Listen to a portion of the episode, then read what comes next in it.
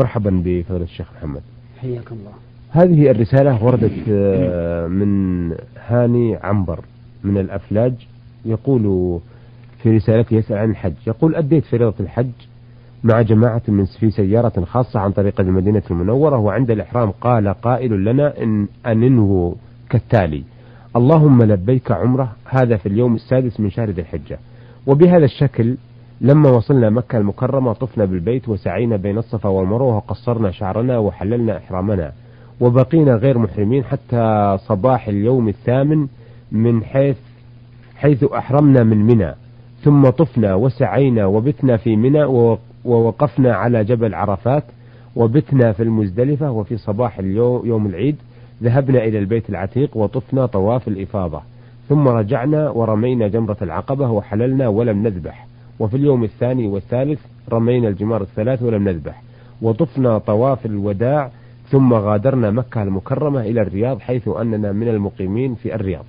والسؤال هنا هل حجنا هذا جائز مع عدم ذبحنا الفدي حيث بعدها أخبار حيث بعدها بعد طواف الوداع سرنا إلى الرياض؟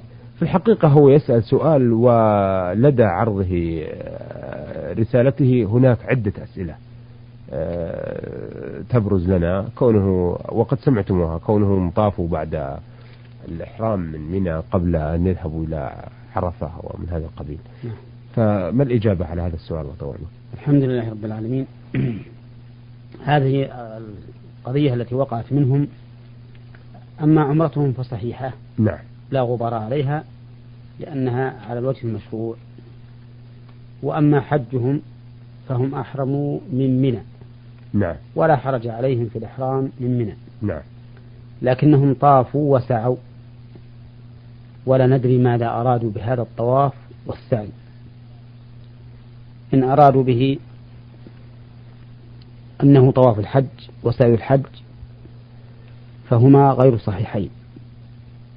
مع أنه ذكر في القضية أنهم طافوا يوم العيد. نعم طواف الإفاضة نعم. فإن أرادوا أن هذا الطواف والسعي للحج فهما غير صحيحين لأنهما وقعا في غير محلهما. نعم. إذ محلهما بعد الوقوف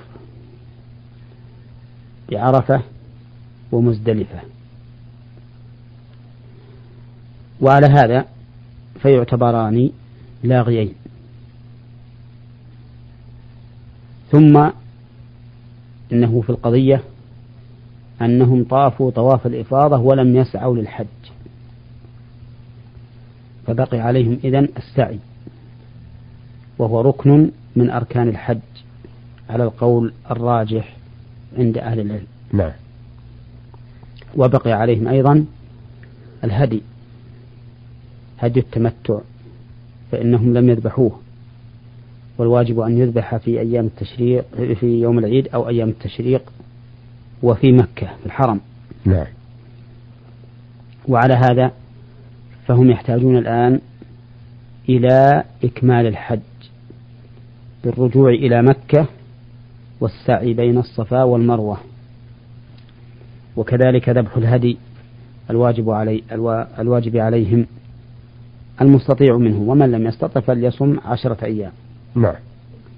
ثم بعد السعي يطوفون طواف الوداع ويرجعون إلى بلدهم. نعم, نعم.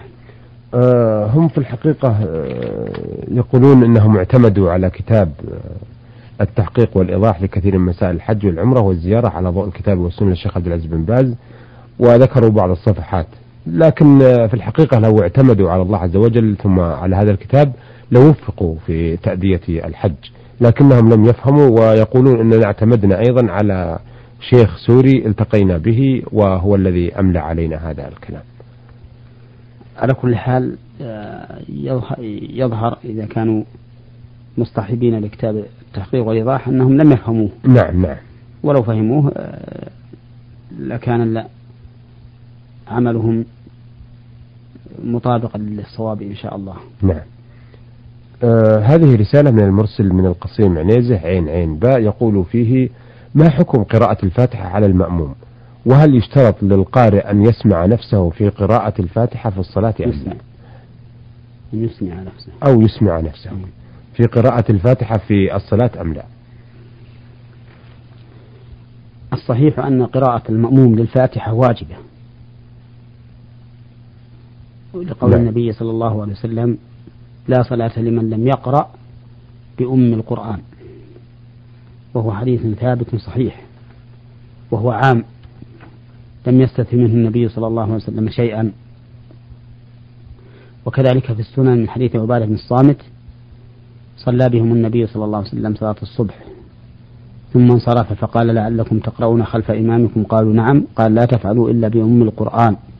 فإنه لا صلاة لمن لم يقرأ بها. نعم. وأما إسماع القارئ نفسه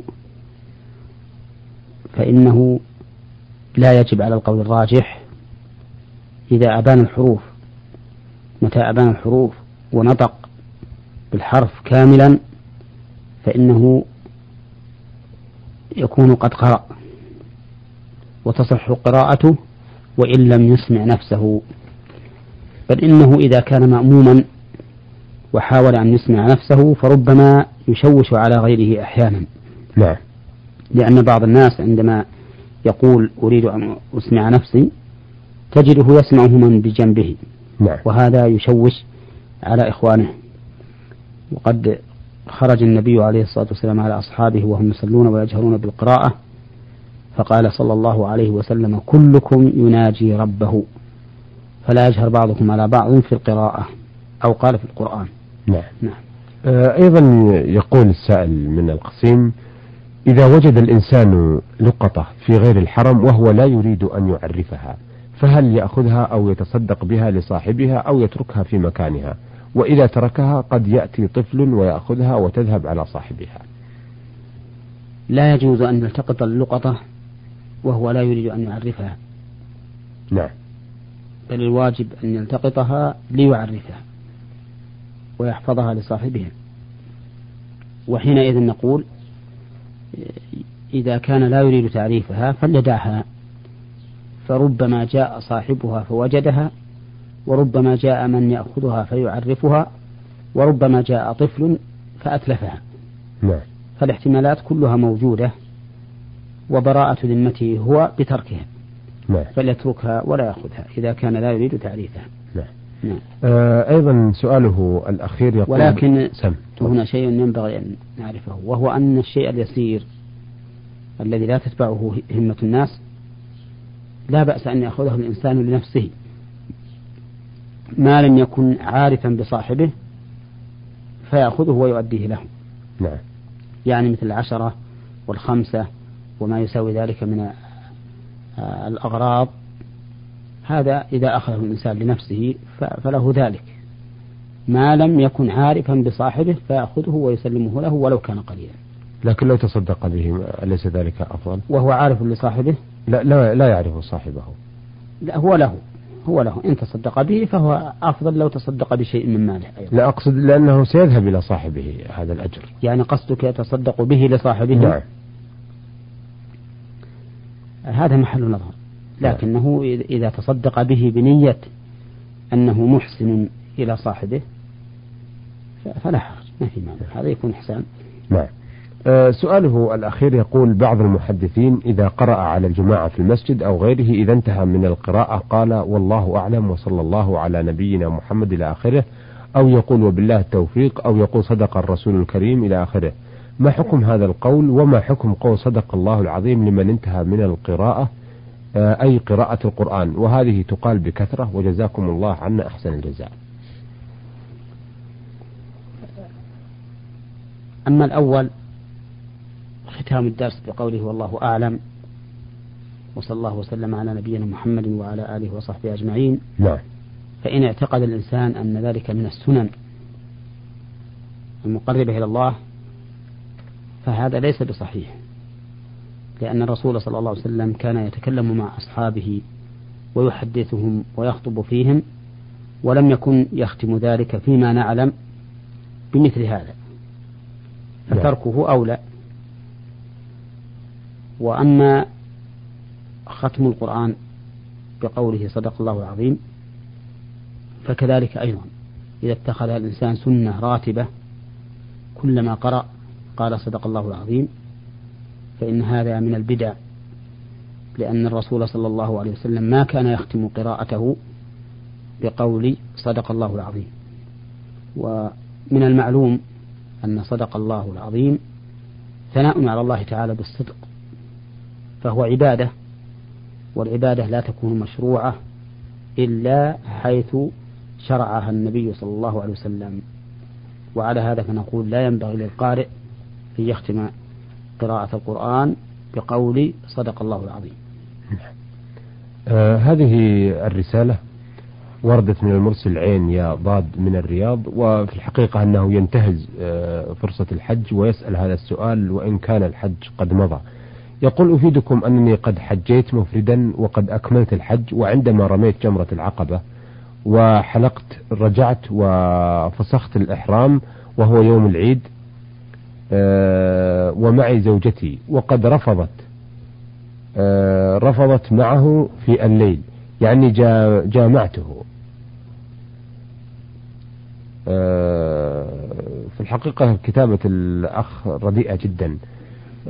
لكنه يقول إني إنه جامع زوجته ويقول وأنا والله ثم والله لم أعلم أنه يفسد الحج وأنا جاهل في هذا الكلام. وأنا أول مرة أحج ومعي زوجتي وأن وأن حجيت وأني حجيت عام 1399 فما حكم حجي هذا؟ حكم حجه صحيح. ولا شيء عليه. ما دام جاهلا. لأن الله سبحانه وتعالى يقول ربنا لا تؤاخذنا إن نسينا أو أخطأنا. وقال تعالى وليس عليكم جناح فيما أخطأتم به ولكن ما تعمدت قلوبكم. ويقول ويقول سبحانه وتعالى في جزاء الصيد ومن قتله منكم متعمدا فجزاء مثل ما قتل من النعم. فكل هذه الآيات وكثير من النصوص سواها يدل على أن فاعل المحظور إذا كان جاهلا أو ناسيا فلا شيء عليه. وعلى هذا نقول للرجل لا تعد. نعم. لمثل ما فعلت. نعم. نعم. آه، من جمهورية مصر العربية بعث أحمد محمود علي خليل آه، بهذه الرسالة يقول فيها آه، بسم الله والصلاة والسلام على أشرف الأنبياء والمرسلين محمد صلى الله عليه وسلم خاتم الأنبياء وأما بعد فإنني المستمع أحمد محمود علي خليل وأنا من جمهورية مصر العربية ومعجب ببرنامجكم نور على الدرب. أيما إعجاب والذي أقوله هو جزاكم الله عنا وعن المسلمين خير الجزاء. أما سؤالي فهو نحن عندنا في مصر بعدما يموت الميت ونقبره فإذا تم أربعين يوما فإننا آه، نحضر أحد المشايخ ونعطيه أجرة على أن يقف عند قبر صاحبنا الميت ويقرأ عليه من القرآن. أرجو من فضلتكم إفادتي. هل هذا جائز أو حرام؟ وإذا كان جائز فهل يستفيد منه الميت أو لا يستفيد؟ ليس هذا من الأمور المشروعة. بل هو من الأمور المبتدعة وكل بدعة ضلالة. وخير مكان يقرأ فيه القرآن بيوت الله عز وجل. نعم. وهي المساجد. وكذلك البيوت يقرأ فيها القرآن. أما المقابر فليست محلا لقراءة القرآن وإنما هي محل للسلام على الموتى والدعاء لهم. لا الدعاء عندهم ولا دعاؤهم. فهم لا يدعون نعم. ولا يدعى عند قبورهم وإنما يدعى لهم بالرحمة والمغفرة لأنهم مفتقرون لذلك. وأما القراءة للميت سواء عند قبره أو في غير في مكان آخر بالأجرة فإنها حرام. لا تجوز وهي أيضا لا ثواب فيها. كقول الله تعالى من كان يريد الحياة الدنيا وزينتها نوفي إليهم أعمالهم فيها وهم فيها لا يبخسون. أولئك الذين ليس لهم في الآخرة إلا النار وحبط ما صنعوا فيها وباطل ما كانوا يعملون. نعم. فقراءة القرآن من أفضل العبادات. فإذا صرفت للدنيا وابتغي بها الدنيا صارت باطلة حابطة. لا تنفع القارئ بل تضره. ولا تنفع المقروء له لأنه لا ثواب له. نعم. والمقروء له إنما ينتفع بالثواب. وهنا لا ثواب لأن القارئ أراد بعمله الدنيا. نعم. وعلى هذا فاستئجار الإنسان للقراءة للأموات أو غير الأموات محرم. ولا ينتفع به المقروء له لأنه لا أجر فيه.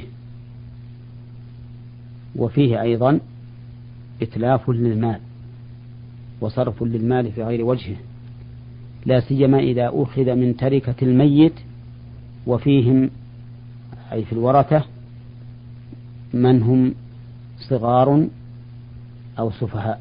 نعم. فإن ذلك تعد عليهم. على كل حال الخلاصة أن هذا العمل لا يجوز نعم. وأن الميت لا ينتفع به. أحسنتم. نعم. آه سؤاله الثاني والأخير سؤال أحمد محمود علي خليل يقول آه فيه أيضا النساء تخرج معنا عند القبور وفي يوم العيد آه نذهب ونعيد على الميت فما حكم ذلك أرجوكم آه تفيدوني لأنني في. لأنني محتار من هذا الفعل في مجتمعنا والسلام عليكم ورحمة الله وبركاته. هذا أيضا من البدع تخصيص أيام العيد بزيارة المقبرة؟ نعم.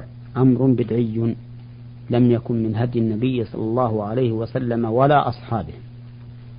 فزيارة القبور مشروعة كل وقت ليلا ونهارا في أيام الأعياد وغيرها. أما بالنسبة لزيارة النساء للقبور فهذا لا يجوز لأن النبي صلى الله عليه وسلم لعن زائرات القبور. ولا ولا يرخص للمرأة أن تزور المقبرة إلا إذا مرت بها بدون قصد. فوقفت وسلمت على أهل القبور فلا حرج. وأما أن تخرج من بيتها لقصد الزيارة فهذا لا يجوز. نعم, نعم. أحسنتم أثابكم الله. أيها السادة إلى هنا نأتي على نهاية لقائنا هذا الذي